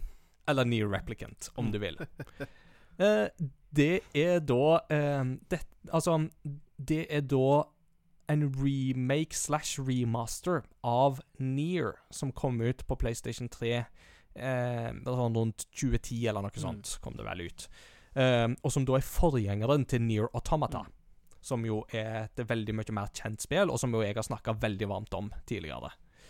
Uh, det er Du merker at dette er samme eh, gale mann som står bak. Yoko Taro er en pussig skue som elsker å skrive dystopiske, destruktive historier om menneskets undergang, og får deg til å liksom sitte igjen med en sånn ekstrem sånn eksistensialistisk krise etter at du har spilt spillene. Og det er bare helt fantastisk. Kult. Eh, det er mm, kort, altså, kort fortalt så er Near er en spin-off av en annen serie som heter Drakengard. Som har flere alternative avslutninger. Og der historien Altså, og der tidslinja i Near og Near Automata er en av endingene i det første Drakengard, tror jeg. Uh, som er litt sånn der, en litt dårlig ending i det første Drakengard. Mm. Uh, Kort fortalt, så eh, menneske Du er langt fram i tid. Menneskeheten er på vei mot utryddelse, og det er mystiske skyggeskapninger som heter Shades, som går rundt omkring. Eh, og du spiller da som en ung mann som prøver å gjøre uh, lillesøster frisk. Eh, underveis så du, får du følge av uh, ei rappkjefta dame som Når du har voice-actinga på japansk, så blir halvparten av det hun sier, sensurert. Og det er veldig gøy, for at på japansk så har du i utgangspunktet ikke banning, sånn som vi har det. Eh, så det betyr at hun er skikkelig sånn foul-mouthed og skikkelig rappkjefta. og eh, en, eh, en eh, liten kar med en stor maske som heter Emil. Eh, og det, det jeg kan si, er det at eh, det, det, det er jeg, jeg har det veldig gøy med Near Replicant. Eh, samtidig som at jeg har ikke helt truffet den følelsen ennå som Near Automata ga meg. Men det skal sies, Near Automata tok meg veldig lang tid før, jeg, før det virkelig løsna for meg. Og det er jo sånn med begge disse spillene at du må på en måte spille gjennom deler av spillene flere ganger for å få alle avslutningene, og så får du liksom ting fra alternative synsvinkler og sånt. Mm. Eh, og nå har jeg da begynt på liksom ending B, som det heter. Og allerede nå så merker jeg at yes, nå begynner det virkelig å på en måte eh, ta seg opp her, altså. Så um, Action eh, JRPG, kampstilen. Veldig eh, greit å sette seg inn i. Lett og gøy å spille. eh, og ja, det, mm, det ser litt grått ut, på en måte. Det er jo et veldig Det er jo liksom ifra den tidsepoken der alle spillene var veldig grå og brunduse og sånt. Mm. Men jeg har sett sammenligningsbilder, og det er gjort en ganske grei eh, oppussingsjobb, altså. Men jeg skulle ønske det var litt kvassere likevel, Mm. sånn grafisk sett. Men musikken Åh, den musikken, altså. Det er for chills av musikken. Det er jo samme komponisten. Um, Keiji Okabe, tror jeg han heter. Som hadde musikken til Near Automata seinere.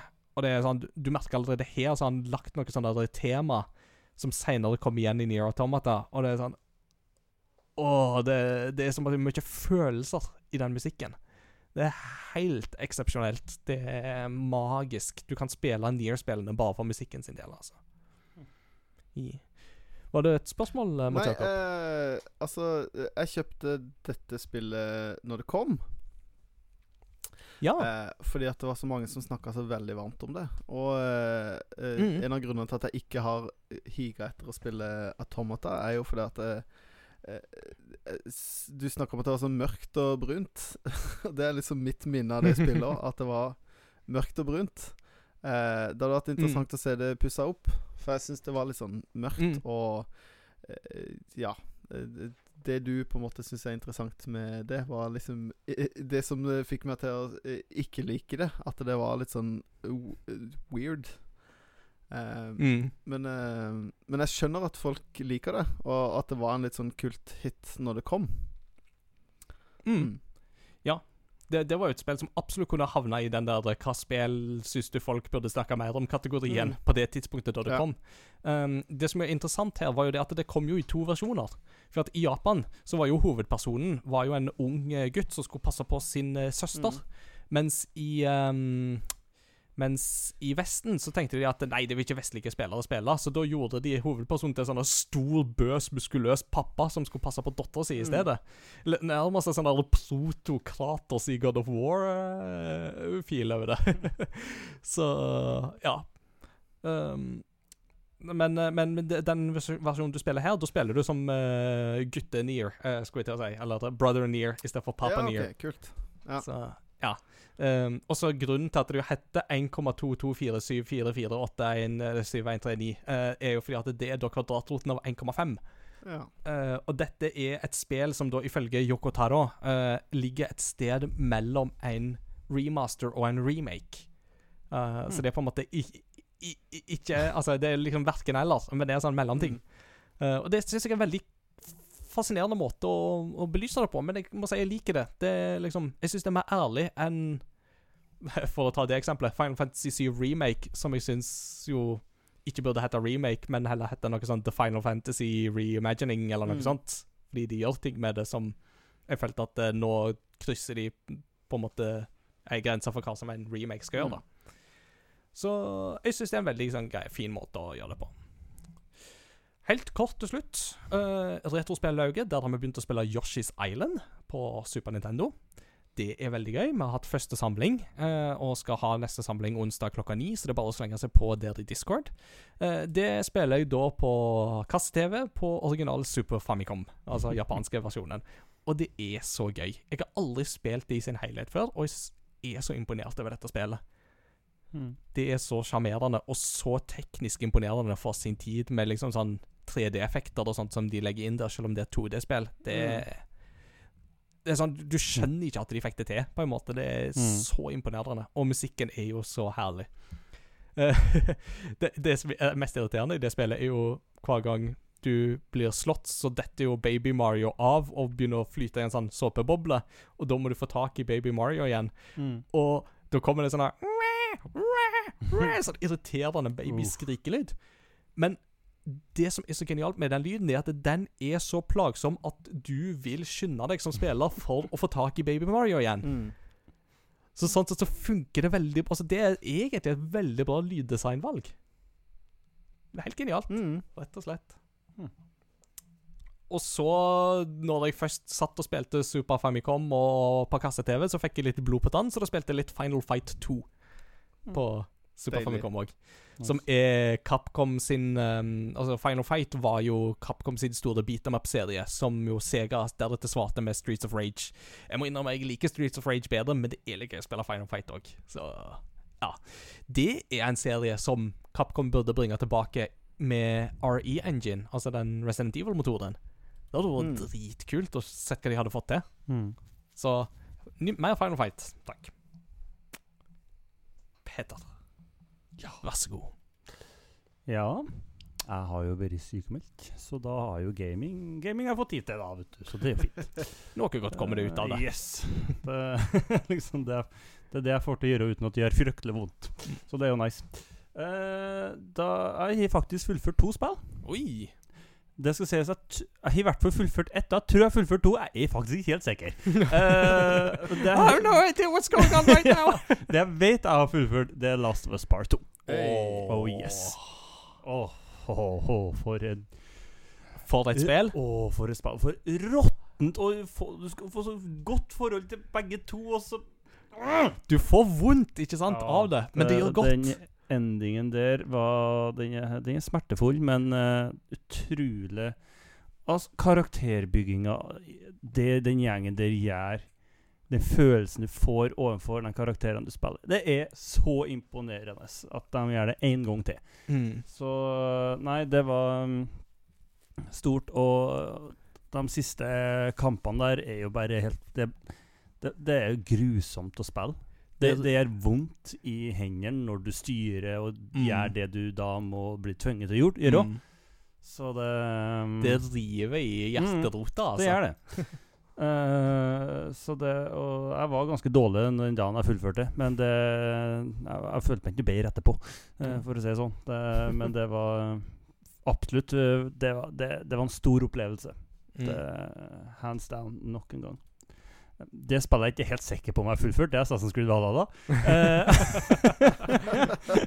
Jeg tror jeg er ferdig, men jeg, du får ikke noe ordentlig sånn 'Nå er du ferdig'. Eh, så jeg har ikke peiling. Så jeg driver liksom og springer rundt og prøver å finne ut er det noen flere oppdrag eller ikke noen flere oppdrag. Så ja. uh, men uh, jeg finner ikke noe mer å gjøre, i hvert fall, så jeg tror jeg er ferdig der. Du, du sier deg ferdig med Assassin's Creed Valhalla. Ja, uh, jeg er jo det. Eh, og det er jo synes, Jeg koser meg jo fryktelig med det. Jeg syns Assassin's Creed Odyssey var bedre, eh, men det, du er badass viking når du springer rundt der og i England, da. Så det er jo uh, absolutt noe som Kan jeg anbefale. Um, Ja. Og jeg syns uh, storyen er god, og det var en god plattvist eh, på slutten der som jeg syns var fin når det kom til Orderen The Hidden Ones. Da, Mm. Meget som, jeg, som jeg ikke så, og som jeg likte. Mm. Ja. Og så um, har jeg spilt uh, Russian Clank. Det er jo på Disney Nei, på Disney Pluss, skal jeg si. På uh, PlayStation Pluss. ja. Nå. Uh, gratis der. Ja. Så da plukka opp det i dag, faktisk. Ja, asti. Eh, artig. Og da det, og barndomsminnene bare slo meg i trynet med en spade, vet du. Å, det var så sykt nice. Deilig. Eh, det er så kos, det spillet. Det er Mm. helt fantastisk. Så det, det koste meg gløgg i hjel med. Warzone, naturligvis. uh, Rocket League. Uh, Luigi's Mansion 3, litt som nå og da. Ja. Og så um, Som jeg skrev på Så har It Takes Two da, s- med, med, Ko- med Kårna. Og det er så digg, for hun er jo ikke gamer. Uh, men hun skulle gi det en forsøk, og hun måtte innrømme at hun likte bedre enn det hun først trodde hun kom til å gjøre, og det er så digg. Aha, så Dr. Hakim Oh. is now ready to fix the relationship. Oh, ja, det- nei, det- ah. Jeg vil påstå at det går ganske bra mellom oss. da det hørtes ut, Nå hørtes ut som vi hadde det ganske kjipt. Men Ah, because you, you, you, my friend, you have good collaboration. uh, Så vi, vi koser oss veldig med det, uh, og det er så kjekt. Ja, Så det så gøy. Mm. Det, det er veldig kjekt å høre. Og gleder meg til å høre mer rapporter der neste gang. Ja da, det, det dukker opp, så vi har Fytti og det f jeg, jeg, fikk så sjokk av den første støvsugerbossen, den slutten Den er brutal. Ah, Hva sø... Jeg tenkte det er sikkert sånn noenlunde barnevennlig spill. Nei da, du Ja, trenger ikke å snakke om hva som skjer. Det er tolvårsgrense da fortsatt, men altså Ja, likevel det er ikke noe, altså. Den scenen alene. Øh, ja. Ja. Men, så det var, det var eh, Good, good, good. Mm, det var det jeg Um, spilte. Ja. Tror ikke jeg Det, det, jeg må jo ta en sånn liten Jeg må, jeg må liksom pense litt innom The Last of Us Part 2 igjen, for jeg er jo litt sånn Jeg er jo ikke en som i utgangspunktet blir vel Altså, jeg kan bli rørt av ting og sånt, men jeg feller jo sjelden en tåre av liksom fiksjonelle ting og sånt. Men The Last of Us Part 2 fikk meg jo til å sipegrine på rulleteksten. Mm. det- hvordan var det med deg? Eh, felte du en tåre, eller var det mest pga. smertestillende at eh, at det ikke kicka inn? det smert, jeg- altså, jeg har jo følelsene på utsida, så jeg sipper jo øh, Jeg, jeg, jeg griner når jeg ser film, og, og ja. Jeg gjorde faktisk ikke det her. Eh, for det var ikke den type smerte jeg kjente på. Nei. Det, det bare Det gjorde vondt. Mm. Eh, hele Hele den scenen det var, det var så vondt å oppleve det. Det var så vondt å se på, samtidig som det på en måte Det gir jo ikke mening at du ser, og da etterpå si at det var verdt det. Uh, for det er så utrolig sterk ending. Mm. Det, så jeg vet ikke hvorfor tårene ikke kom. Jeg trodde jeg var for syk til at jeg klarte å presse seg gjennom. uh, men det Mm. Så det, det var, jeg ble litt overraska, fordi jeg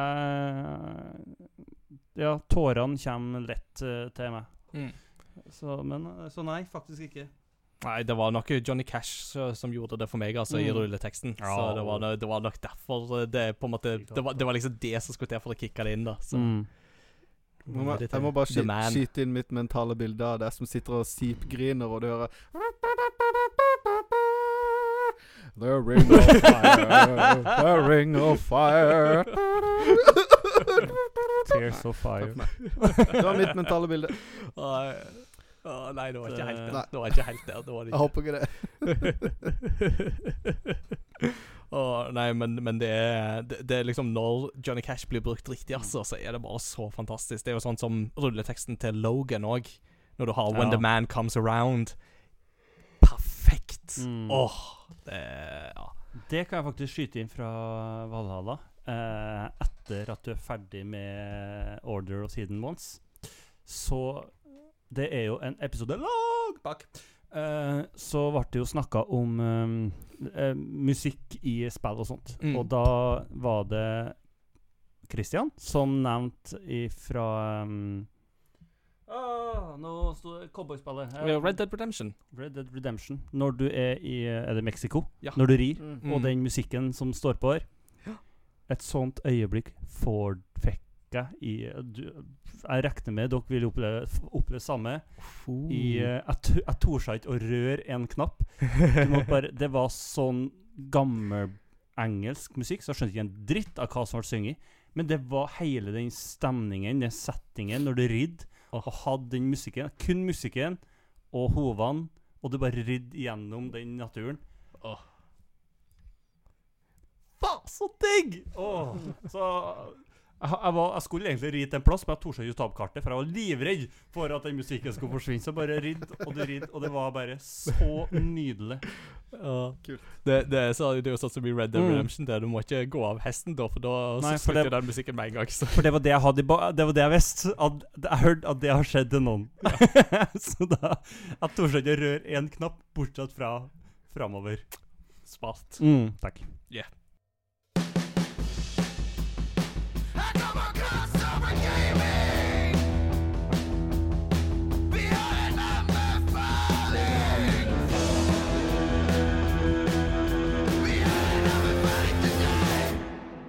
Så uh, anbefaling.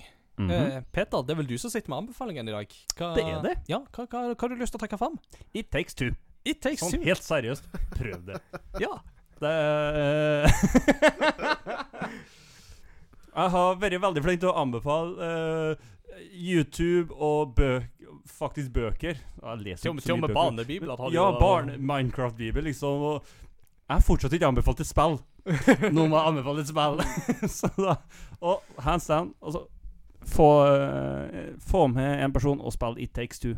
Mm. Eh, fantastisk. Det er så kjekt. God eh, humor, og uh, Joseph har altså gjort en så utrolig god jobb, og vi er bare Altså, har den av to timer inn i spillet, liksom, og vi storkoser oss. Um, det kan kona skrive under på. Mm. Og jeg har en kamerat uh, jeg eh, kamerat som skal komme på besøk med madammen, fordi han er gira på spillet. Og hun var ikke så gira, så da skal vi tilfeldigvis eh, begynne å snakke om eh, det spillet, og at Annika òg syns det er veldig kjekt. So they have to work Så- on their collaboration! Mhm, Så Even Kleppa, bare kom, så skal vi få fiksa det her.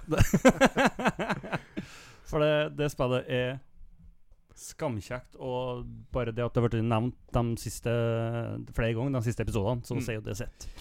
Vi kommer nok garantert innom det igjen når eh, Game of the Year skal kåres. Ja, jeg og jeg er ikke ferdig, så jeg kommer til å nevne hver episode framover. Så det Ikke sant? mm, Tommel opp, takk, takk. Så nei, få det på. Yeah. For dette er en Hebereke pachinko-kontroller til Super Nintendo. It's curiosity What are you gonna show to me? It's curiosity What a neat thing to know It's curiosity What are you gonna show to me?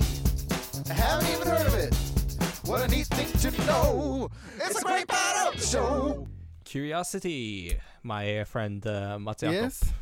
Please tell, please tell me. I need to know. you. Um,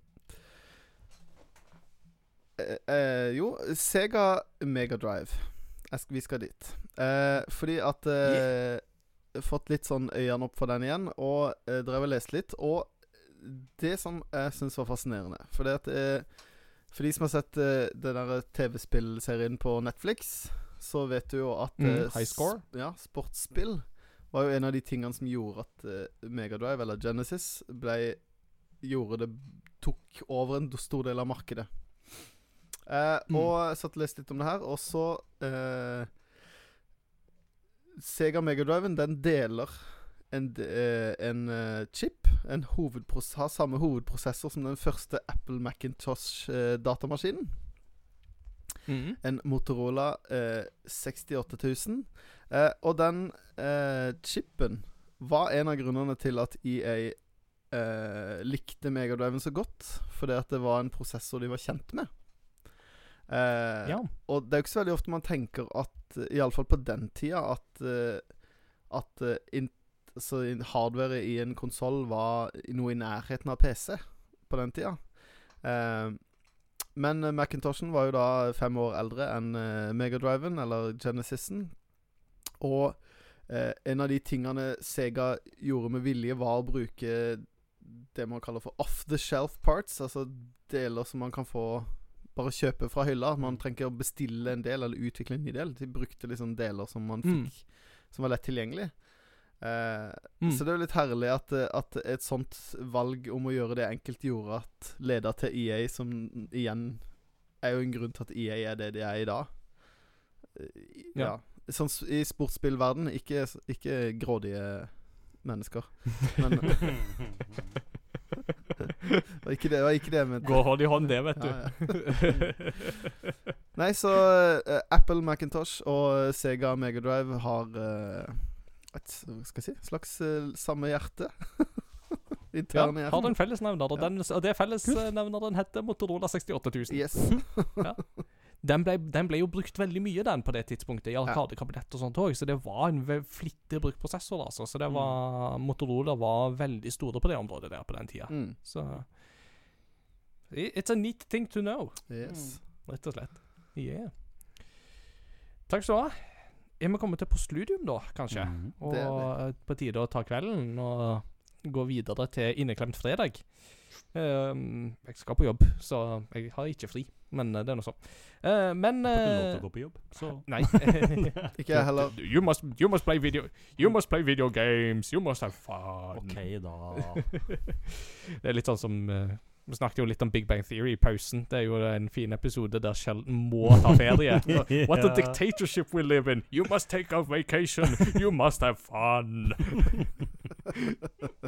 Å nei, for, for et diktatur. Nei da. Um, vi skal litt tilbake til um, den, det spillet som jeg anbefalte.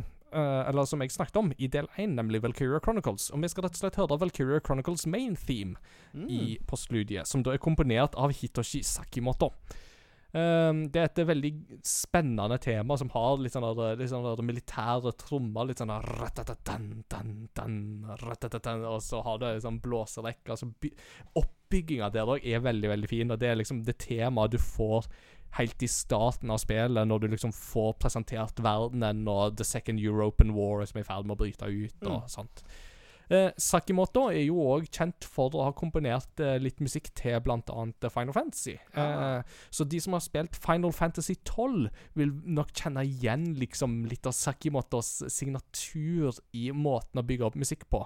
Og det er særlig når du spiller Valkyrie Chronicles liksom en god del, og får hørt en del av den musikken, så hører du en god del likhetstrekk med musikken i Final Fantasy 12. En del av liksom de samme musikkprogrammene som er brukt, og instrumentvalg og sånt. Så Kult. her er det mange likhetstrekk. Mm. Så uh, sjekk det ut. Uh, og musikken er òg helt fantastisk, og en av grunnene til at uh, det er et spill som ligger mitt hjerte nært, og kan anbefales. Mm. Så Det var egentlig det vi hadde å by på denne gang, tror jeg. Vi Mm. er tilbake igjen om uh, to ukers tid. Da er det ikke nasjonaldag lenger. Eh, folkens, dere får ha hjertelig god uh, nasjonaldag. Enten dere hører denne episoden den 17., eller en helt annen dag. Mm. ta godt vare på hverandre. Feire med måte. Husk smittevernregler gjelder fortsatt, så feir med måte. Vi snakkes med neste korsvei. Ha det bra. Ha det! Au revoir. Join oss på Discord. Hurra!